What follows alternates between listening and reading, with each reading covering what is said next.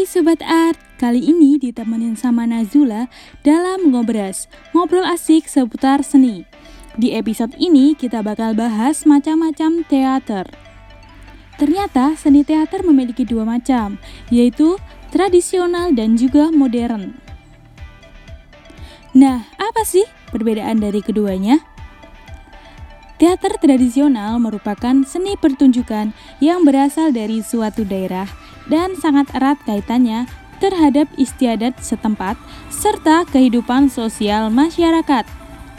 Sedangkan teater modern adalah seni yang tumbuh seiring dengan perkembangan zaman yang mendapatkan pengaruh teori dari barat.